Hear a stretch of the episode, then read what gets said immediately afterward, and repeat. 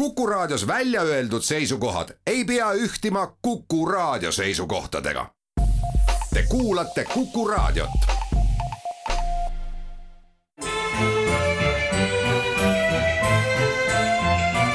Memoria.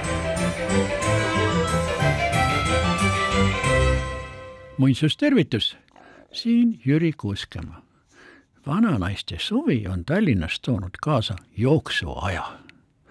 Täna hommikul Kuku poole tulema hakates sain ma vaevalt oma majast välja, sest seal Falgi teel oli tuhandeid jooksjaid,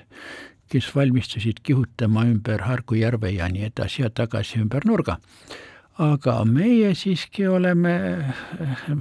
Kuku stuudios Memoriaks valmis ja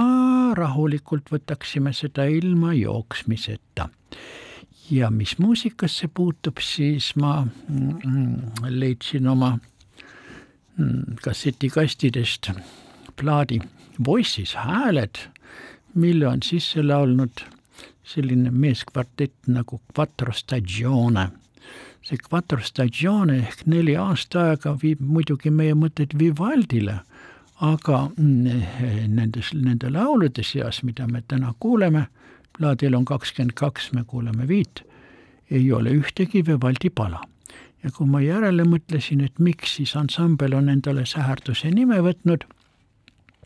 siis mulle näis, et võib-olla need kaks rootslast ja kaks inglise nimedega meest lauljat tunnetavad ennast nii erinevatena nagu aastaajad, aga neljakesi koos eh, tahavad nad moodustada sellise harmoonilise terviku, nagu üks aastaring on. Nii et vististi nii, kui ma õieti olen asjast aru saanud. aga nende repertuaar on klassikaline, nad alustavad sealt kuueteist sajandi renessanss lauludest ja jõuavad välja kahekümnenda sajandi keskpaika kusjuures nende autorite seas, keda nad hindavad, on ka näiteks Evert Taube, Rootsi helilooja, kes pärineb suguvõsast, mis on Eestimaa aadlist pärit. Nii et selles mõttes isegi see Quattro Stagione on otsapidi Eestiga seotud ja seda enam, et nad käisid millalgi siin ka esinemas korralimusiigi kutsel. nii et igatahes toredad, toredad mehed ja mida meie nüüd siis täna kuulame, kõigepealt eh, on Robin, armas Robin, üks eh, laul kuueteist sajandi algusest, mille on mõistagi Robin Hoodi kui rahvuskangelase kohta kokku seadnud ka üks inglane William Korn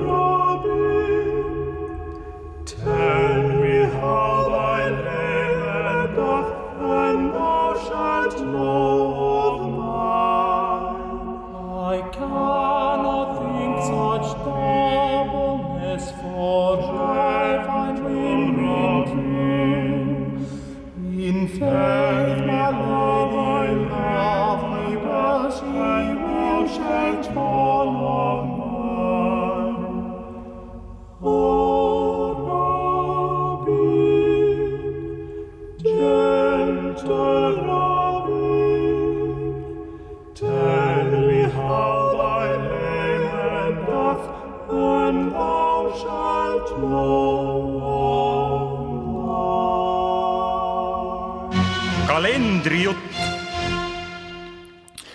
no nii, täna on meil rahvusvaheline vanavanemate päev ja eks minagi oma kaasaga kuulun vanavanemate hulka, meil on kuus lapselast ja täna me jõuame ainult ühega neist minna natuke mere äärde ja korraldada üks väikene piknik. Aga mm, me just eile arutasime, et mõningate lapselaste väljanägemist ja kasvu ja noh, iseloomuomadusi ja, ja, ja nina ja näokuju. ja siis oli nagu huvitav, et näiteks isegi ka kaksikud tütre, tütred, nüüd kolmeaastased, on kumbki üsna erinevad, et ühest paistab rohkem nagu selle lapsukese ema, see on siis meie tütre, plaan välja ja ka kasv on viis sentimeetrit suurem kui teisel, kes on rohkem oma, oma papa nägu. ja muidugi, eks nii teisigi lapsi me oleme sellest osas vaadanud, et, et kuidas on nii väljanägemisega, mis on meilt nagu sarnast ja mis on meilt nagu geneetiliselt neile üle läinud ja samas ka imestame mõnikord, et mõned käitumisjooned või mallid või huvid. Mõnel järeltulijatest on nii hoopis erinevad, et ei oska mitte kuidagi arvata, et ei papa ega mamma ega nii edasi, vanavanemad. Selliseid omadusi ei ole kandnud, aga väidetakse ju geneetikute poolt, et üheksa kümnendikku ühest isiksusest kujunebki nagu päritud geenide põhjal. Ja me ei oska tänapäeval muidugi öelda, et kui kaugelt see mingi geeni mõju on tänapäeva jõudnud, see võib olla ka paljudest põlvkondadest minevikust, meie kallitest esivanematest, keda me pole näinud ja kellest me pole isegi midagi kuulnud või oleme lihtsalt lugenud, et vaat jah, näiteks seal kuskil Läänemaal Testamaa kandis või, või siin Parasmäel Jõelähtme kihelkonnas elas keegi mees nii ja naasugune sellises talus, tema aastal tuhat kuussada millegagi ja tema naise nimi oli naasugune ja lapsed, laste nimed olid ka, aga me ei saa ju enam iialgi teada ega aimu sellest, et millised nad siis olid kui inimesed, kui isiksused. nii et, et see on nagu, ma ütleksin, vanavanematel on põnev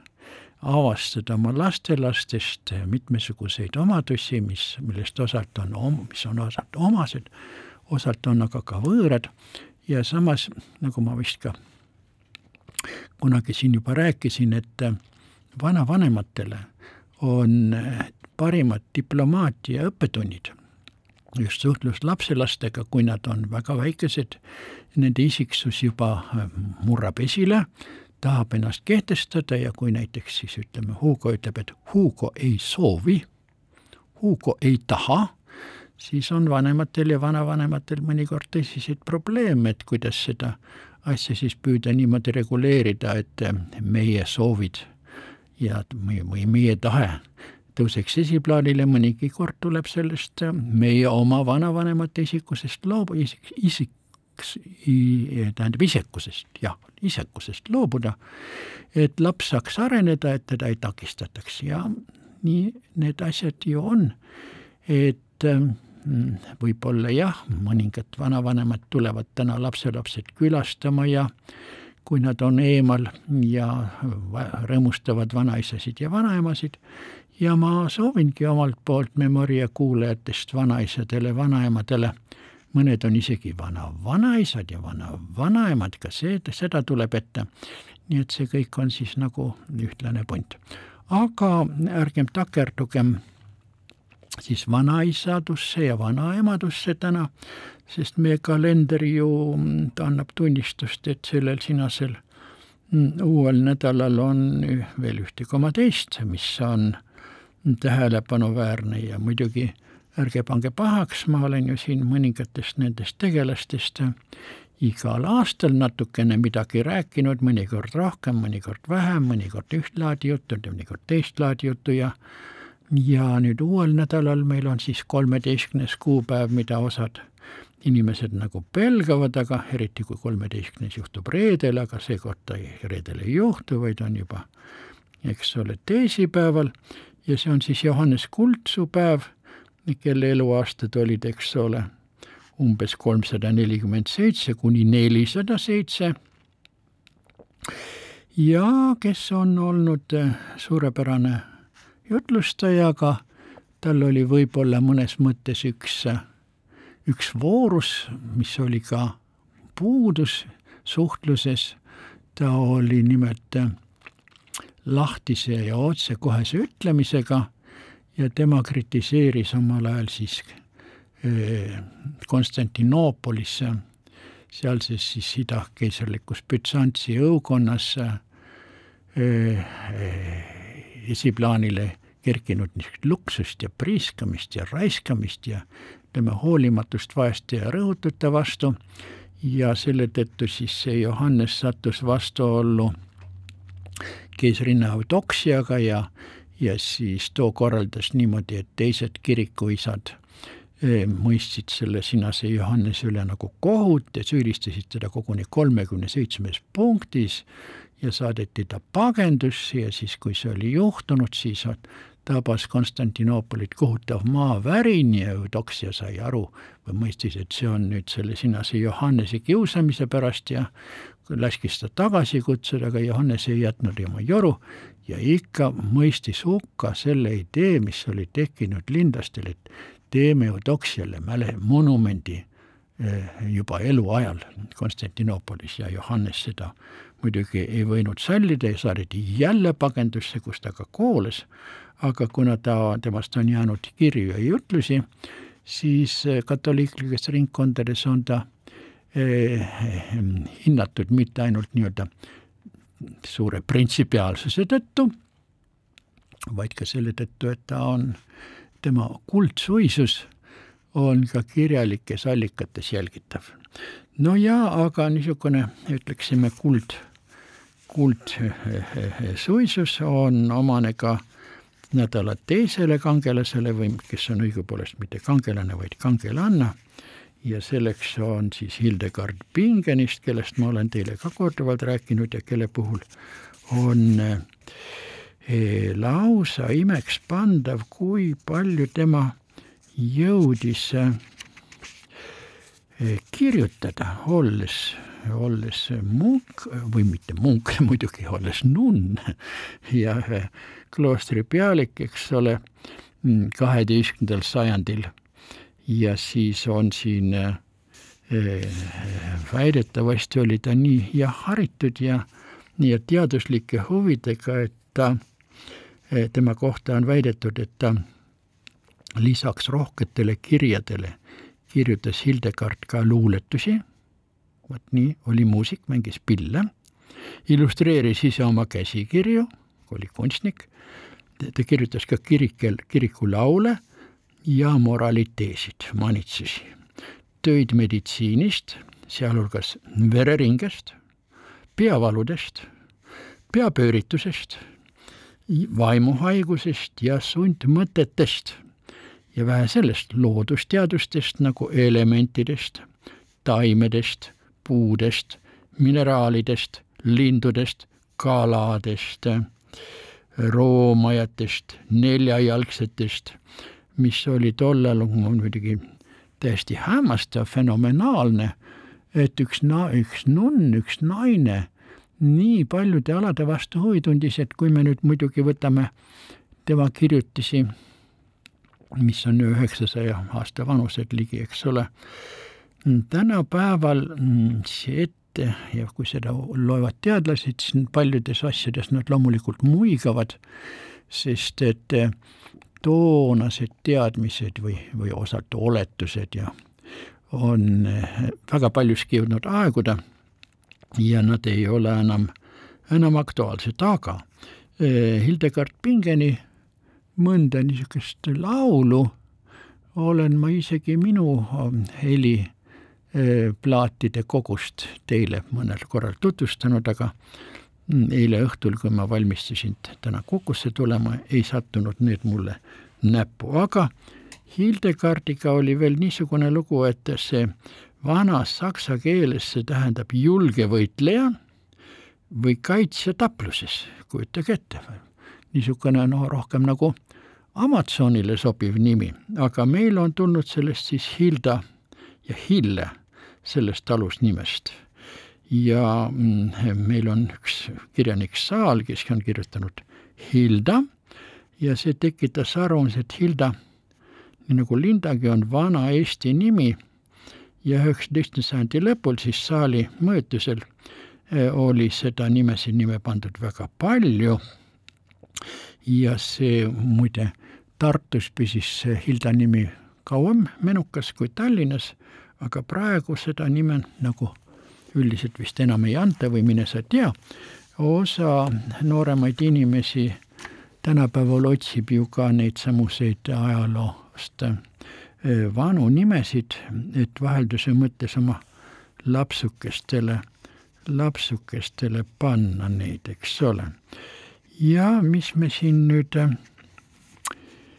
sellest vanemast ajast võtaksime nüüd jälle ühe muusikapala ja üks selline helilooja Jakob Arkadelt. Sellest nime kõlast ei selgugi, kas ta, kus, kes, mis ta rahvuselt oli, see paistab rohkem nagu Germaania või Skandinaavia nimi olevat, ja tema eluaastad olid tuhat viissada neliteist kuni tuhat viissada kuuskümmend kaheksa. Ja ta on kirjutanud ka ühe pala Õilis valge luik.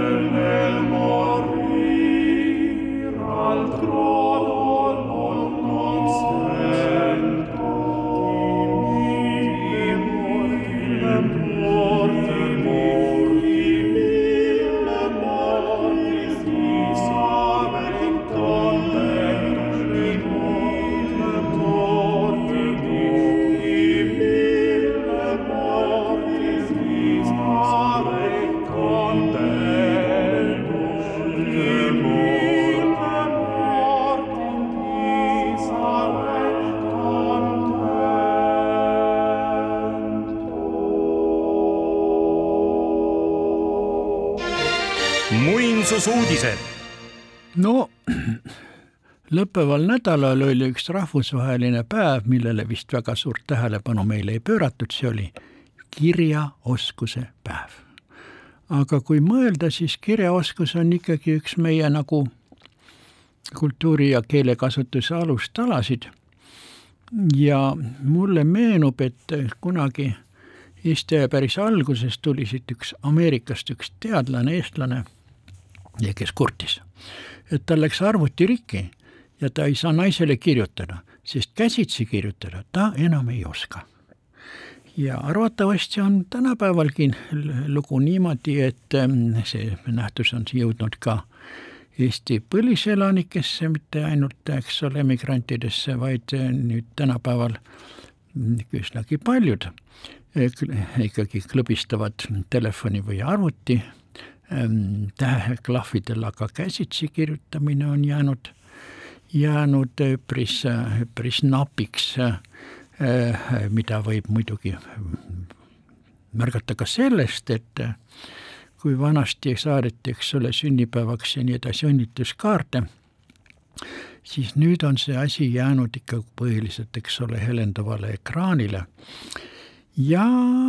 selle tõttu on ka, et sellel ekraanil on väga valdavalt inglisekeelsed tekstid, on ka eesti keele kasutamise oskus kahanenud väga tunduvalt. Nii ja ollakse harjutud saatma lühikesi sõnumeid, sõnu ka lühendades ja sõna lõppusid alla neelates. Ja selle tõttu ka muidugi loomulikult arvutis saadetud sõnumid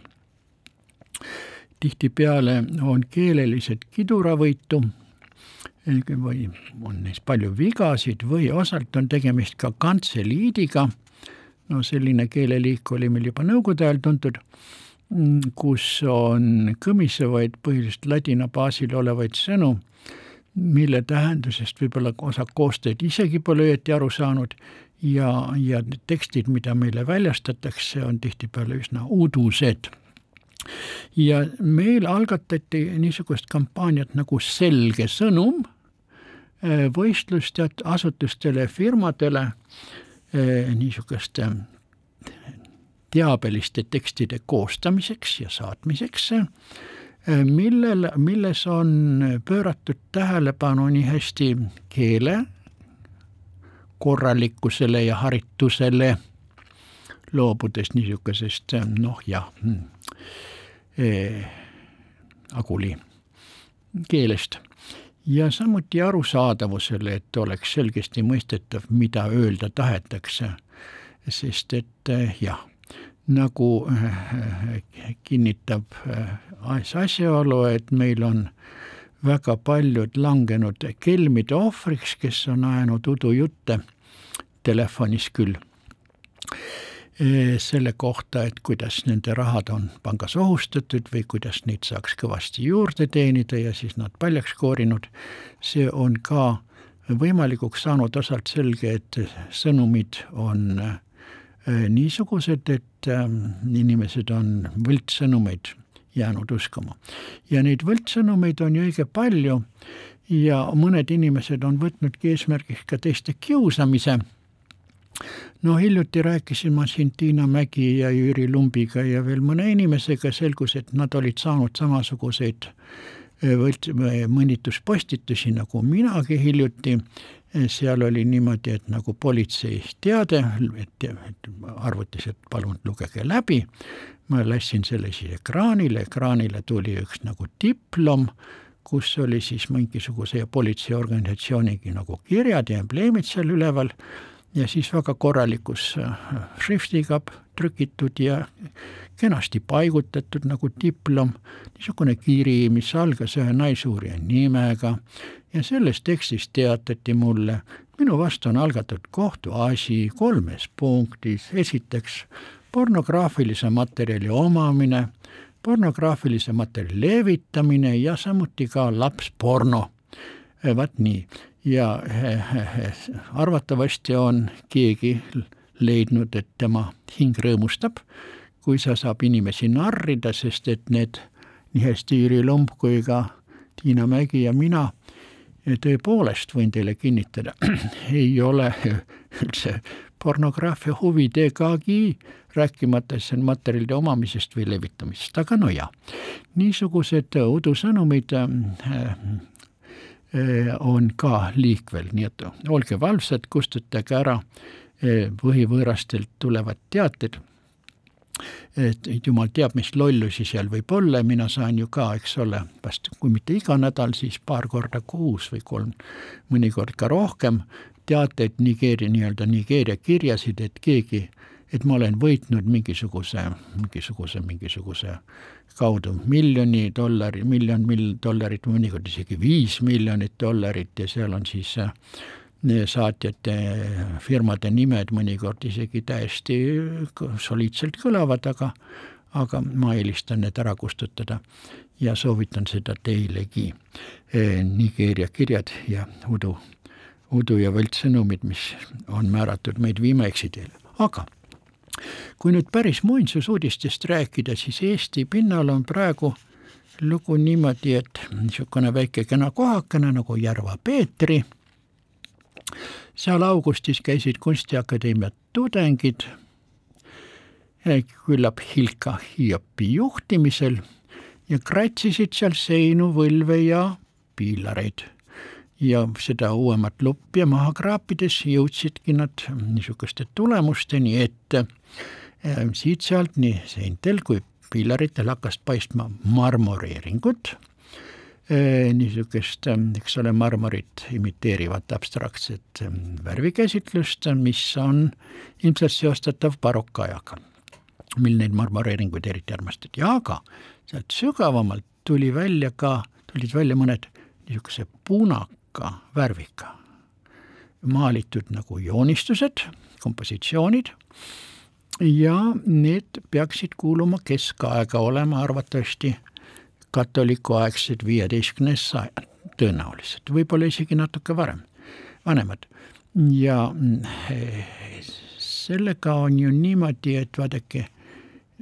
mm, lubi, lubivärviga seinal osa värve lihtsalt kuhtub aja jooksul ja pleegib ära, aga vot see punane, ma ei tea, mis, kas nad osalt on tehtud, see värvipigment on jahvatatud tellist, tellisest või millestki niisugust, et see niisugune punakas, roosakas värv tihtipeale jääb, on ainsus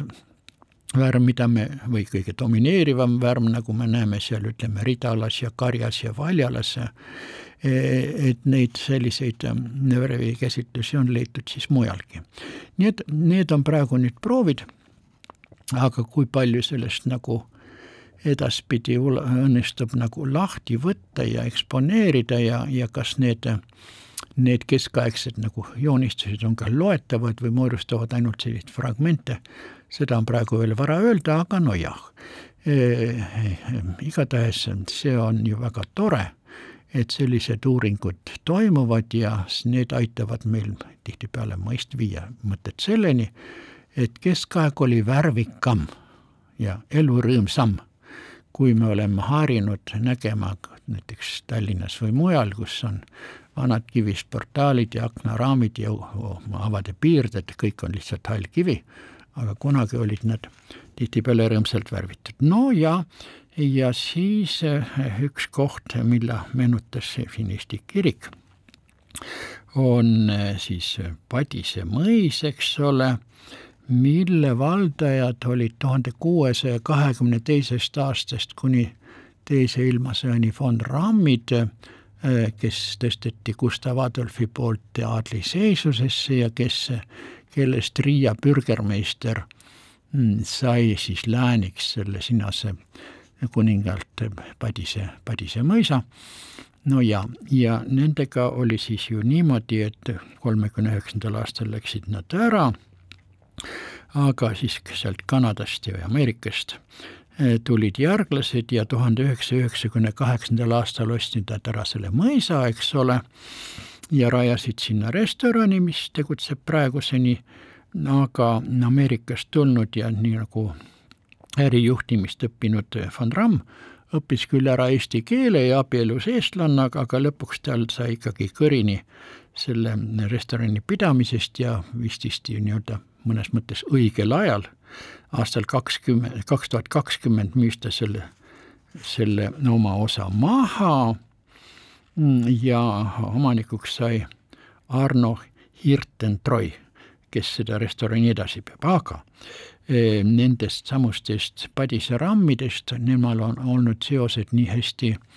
mm, Harju ristikirikuga, kus on, Püha Risti kirikuga, kus on siis üks rammide niisugune mm, hauamonumentide ala, mis on ilusasti korda tehtud järglaste poolt. Ja teine on siis see Harju Madise kirik, mis on Paldiski pool eh, Klindi serval, ühtlasi ka majakana kasutatud, ka seal on siis rammidega seosed ja nad on seda kirikut toetanud ja selle sisustamist ja ümberehitamist. ja nüüd oli siis niisugune lugu, et see kirik kogu pidas vajalikuks eh, austada ühte von Rammi, kes on teadlane ja tema äh, on nüüd tehnikaprofessor Olav von Ramm. Ja vaat see Olav von Ramm koos teiste, mitmete teiste nende rammidega sealt mm, mm, uuest maailmast käis siin Eestis ja käis ka Harju Madisel ja muidugi mõista ka Padisel ja selle professor Olav Rammi mälestuseks seati sisse üks, kirikus üks mälestuspink. nii et see on ju kiiduväärt niisugune nähtus ja ilming. aga nüüd Tallinna muinsusuudistest minul oli juhus koos kesklinna mm, linnaosa kogu liikmetega käia ära vanal juudi kalmistul, äh, millest on juba tükk aega juttu olnud, et sealt on välja roogitud vahepeal nõukogude ajal seal paiknenud autobaasi jäänused ja on kaevatud välja äh, seal asunud mausoleumide alusmüürid ja siiski trepp, mis viib ühe keldrisse ja krüpti ja on asutud taastama seda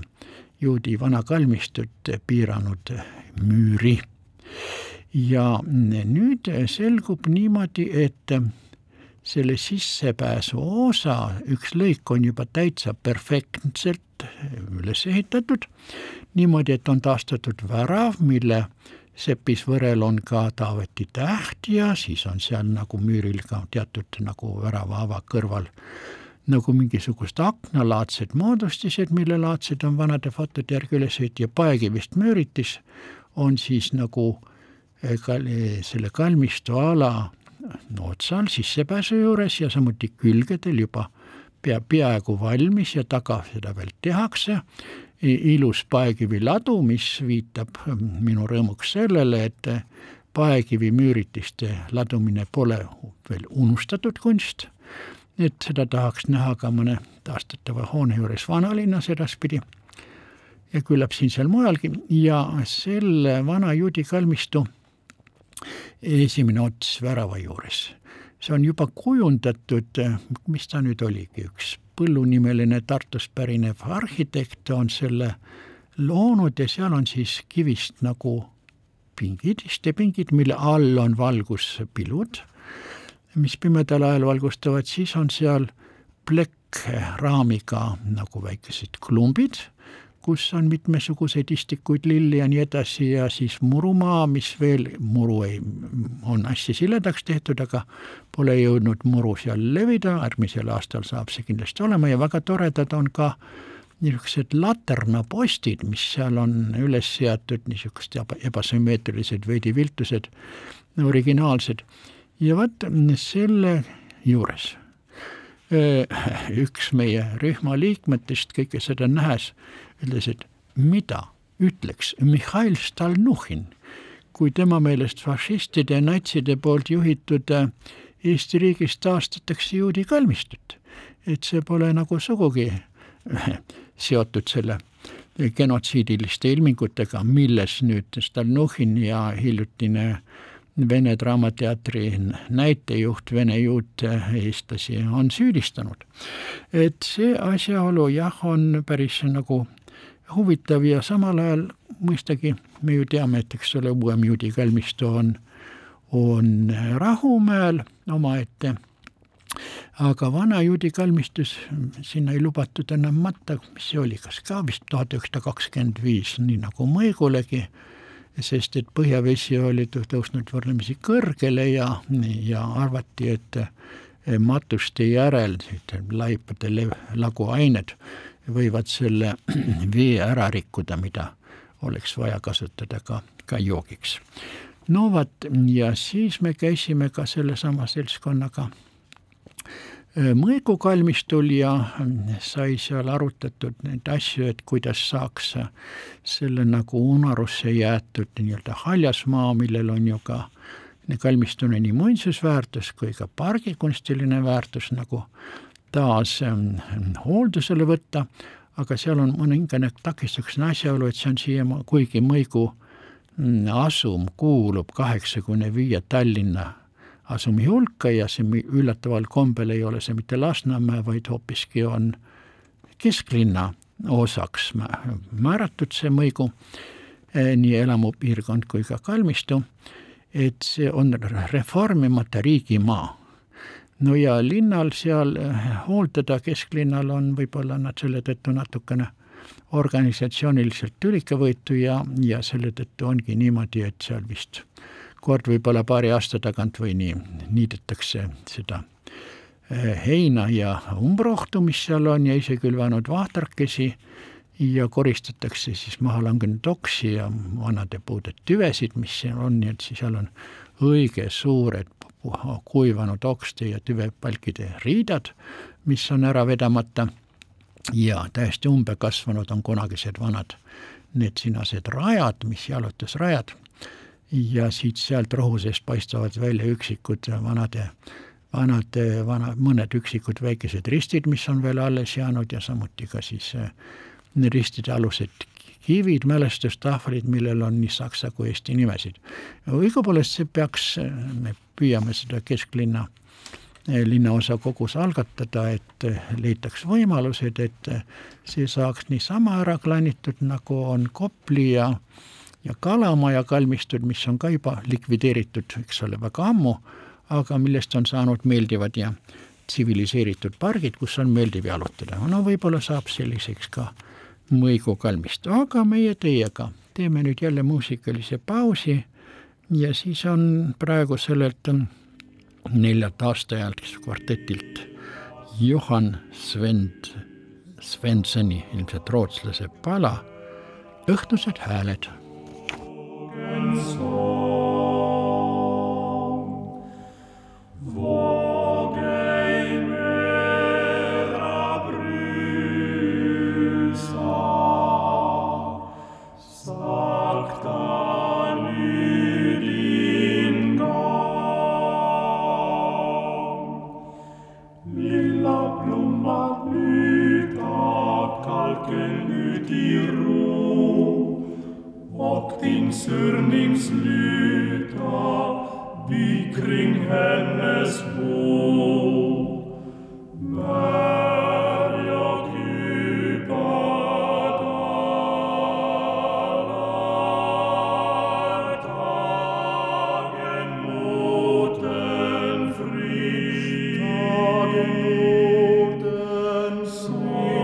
Lord.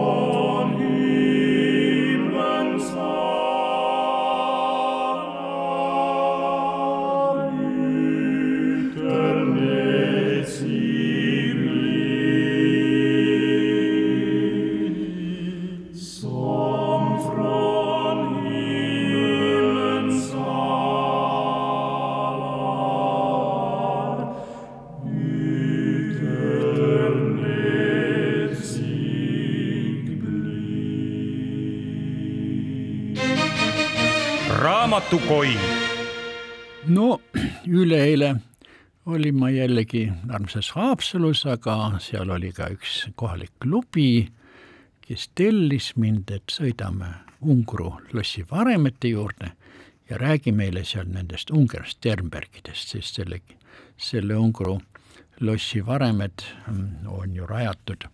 või muidugi, või hoone rajatud tuhande kaheksasaja üheksakümne kolmandal aastal. Ja kuigi see loss on varemetes, näeb ta väga, ikkagi väga esinduslik ja huvitav välja, võib jääda mulje, et see on seal juba nelisada aastat olnud, et ta, kuna ta on sellises renessanss stiilis oma nende voluutide ja tornide ja, ja, ja nii edasi ka. ja eks ma siis võiksin, ütlesin neile, et, et ma olles vaadanud natukene kirjandust ka mälu värskendamiseks Mm, et, et ma räägin teile täna rohkem armastusest kui arhitektuurist. ja siis ma rääkisin seda lugu, kuidas see sinane armunud äh, Unger Sternberg, kes käis nii-öelda Saksamaal noorena nagu praktikal äh, ja armus seal ühte lossi preelisse tähendab, see oli Merseburgi loss Halle lähedal, mis selline renessansaegne ehtne loss oli ja kui ta tahtis seda tütarlast sealt kosida, siis too ütles, et tema poisi pettumuseks, et ma olen lubanud, andnud vande, et mina oma isa lossist ei lahku. aga siis Ungarn tahtis teda üle kavaldada ja tuli välja niisuguse ettepanekuga, kuule, kui ma lasen Eestis Saame mõisamaale ehitada samasuguse lossi, nagu sa papal, kas sa siis tuled mulle? ja Preili oli nõus. ja selle peale siis sinane Unger Sternberg, kes oli ju rikas tema äh, oli sellest Hiiumaa äh, Ungernite suguvõsast ja Kärdla Kalevivabriku omanike seas, nii et raha tal oli ja ta laskis teha siis projekti selle Merseburgi lossi järgi ja seda hakati ehitama üheksakümmend kolm kuni üheksakümmend kuus, aga siis see tütarlaps oli vististi niisugune tuberkulootiline punas-, kahvatu naha ja, ja, ja puna, punapõskedega sealjuures, et ta lihtsalt suri ära üheksakümmend kuus. Ja kui see sõnum tuli, siis need, see sinane Ungern sattus oma sugulaste ägeda kriitika alla, et vaat mis lollust sa tegid nüüd tarbetut ja toretsevat lossi ehitasid, et meile mõisamajasid küllalt, aga seda pole nüüd millekski vaja, pruuti sa ka ei saanud endale ja lollakas oled. nii nagu tihtipeale juhtub, et kui inimesed on õnnetud, siis lähikondlased tõestavad neile, et sa oled loll ka veel pealekauba. nii oli temaga ja ta pages Eestist ära, oli Peterburis, suri vist tuhat üheksasada seitse, üksindaselt leinates ja e, siis ta maeti e, Ridala kirikuaeda, aga tema e, surmaeelne soov oli, et tema sark tuuakse sinna Ungari pooleli olevasse lossi, kus müürid olid, laed, seinad, katused, uksed, aknad ja tornikiiver, aga seinad olid veel vimistlemata, sisustust ei olnud, et seal oleks ta siis ühe öö, enne kui teda maetakse. ja tema talupojad, kes olid nagu temasse sõbralikult suhtumas, kuna ta ei olnud ülbemõisnik, vaid ta andis talumeestele kätt ja rääkis nendega nagu, nagu, nagu omasuguste inimestega. ja selle tõttu need Ungari talupojad kandsid selle sarga, kujutage ette, Haapsalust oma õlgadel sinna lossi, kus nad siis pandi ka viimaseks sööks.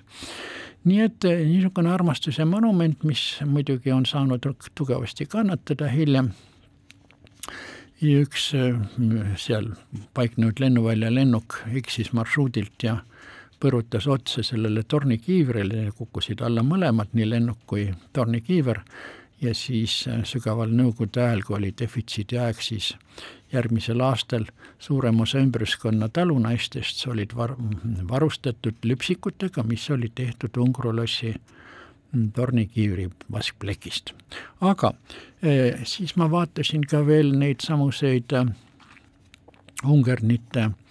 eh, nagu atestaate ja sel-, leidsin, et eh, papiraamatust, et esimene nendest eh, on nimetatud aastal tuhat kakssada viiskümmend üks kui Johannes de Hungaria, Johannes Ungarist kui Riia peapiiskopi vasall, kellel olid siis muidugi läänistused Liivimaal Riia lähedal ja hiljem nad muidugi levisid Eestimaale ja Eestimaal oli siis üks kõige markantsem tegelane oli eh, nendest tuhande viiesaja kolmekümnendatel aastatel, kui mm, too oli saanud nii-öelda keisrliku aadlidiplomi ja paavstilt veel erilise niisuguse privileegi punapitseri õiguse, mida võisid kasutada ainult nii-öelda kõrged ülikud. ja siis tema oli siis vabahärra ning äh, ta oli Saaremaa piiskopi nõunikuks ja, ja Tartu piiskop, ei, isegi Riia peapiiskopi nii-öelda koadjuutor, kõrge kiriklik ametlik. nii et see oli siis tuhande kuuesaja viiekümne kolmandal aastal kolm venda Ungarites said Rootsi vabahärra tiitli, siis nad äh, levisid äh, Liivimaalt, olid nii Eestimaal juba, eks ole, keskajast peale, ka jõudsid Saaremaale ja Kuramaale, nii et nad kõikidesse rüütelkondadesse kuulusid, tuhat kaheksasada viiskümmend viis said nad Vene paruni tiitli ning üks Evald tuhande kaheksasaja seitsmekümne kolmandal aastal tõsteti krahvi seisusesse. mina olen isiklikult kokku puutunud kuue Ungar Sternbergiga, üks neist oli südamehaiguste professor või kirurg, oli üheksakümne teisel aastal Eestimaa rüütelkonna pealik, käis siin arutamas, kuidas neid toomkirikus Eestimaa rüütelkonna liikmete vapepitaafe konserveerida. ja üks nendest ungernitest, noor Armin, õppis ära ka eesti keele ja pidas vahepeal eesti keeles loenguid Tartu Ülikoolis. aga rohkem neid eestikeelseid ungerneid ma siiski ei tea. aga muidugi suguvõsa, mis on andnud palju väärikaid esindajaid nii hästi administratsiooni, riigiametitesse, sõjaväelistesse ametitesse ja toimetanud nii Rootsis, Eestis ja Venemaal, nii et sellised, kelle nimetatakse ürg, Balti ürgaadlisse kuuluvateks, aga meie teiega võtame veel ühe laulukese kuulata, see on siis madrigaal mm, nagu pesast kukkunud lind. vana muusika palun.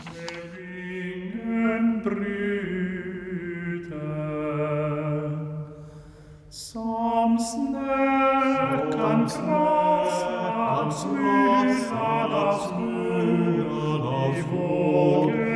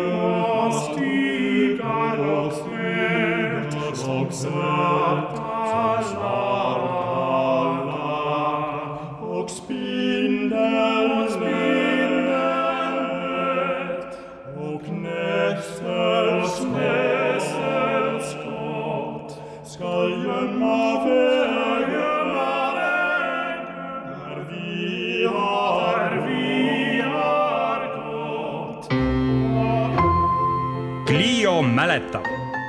sedagi, et kahest Tallinna vanalinnas olevast Karja tänavast on ainult Suur-Karja tänavat pidi loomi karjatatud, saadetud neid siis linnast välja rohumaadele. Aga Väike-Karja tänav, sellega oli ju niimoodi, et see oli umbne. Ja seal selle tänava lõpus oli kuradi ema torn, duuvelsmoodar seal ei olnud muidugi tegemist mitte päris kuradiga, aga ühel Tallinna kodanikul oli niisugune perekonnanime, nimi, et see torn sai selle järgi nimi, aga kui see torn lammutati, siis tehti seal linnamüüris ka läbimurre ja siis tekkis see Väike-Karja tänav, aga Suur-Karja tänava? Ehedust meenutab ainult üks detail majal. Suur-Karja kaheksa, nimelt õuevärav ja selle õuevärava kavandasid ja tegid omal ajal metallikunstnikud Tõnu Lauk ja Heinz Müller. ja sellel väraval on siis võredesse monteeritud kummalegi nagu tiivale veisepea kõverate suurte tugevate sarvedega, mis siis meenutab seda, et veel üheksateistkümnenda sajandi alguses Tallinna kodanikud saatsid just sealtkaudu seda tänavat pidi sinna ütleksime Uus-Tatari ja sinnakanti oma, oma lehmi ja vasikaid ja mullikaid, eks ole, parem, paremat värsket heina saama või rohtu saama. ja nii see asi oli. ja muid detaile, mis sellest loomade jalutamisest meile teatust annaks, enam ei ole. aga hiljuti ma käisin seal selles Turgari tänava kaheksandas majas, pidasin seal jutlust ja siis pida-, siis meenutasin neid karjatamise kombeid, aga täna ma sellest karjatamist rohkem rääkida ei jõua, sest aeg on halastamatu. Memori aeg on tänaseks jälle täis saanud ja täna me kuulame lõpetuseks Nocturni, mille on kirjutanud siis Eesti juurtega või Eestimaa juurtega eh, Rootsi helilooja Evert Taube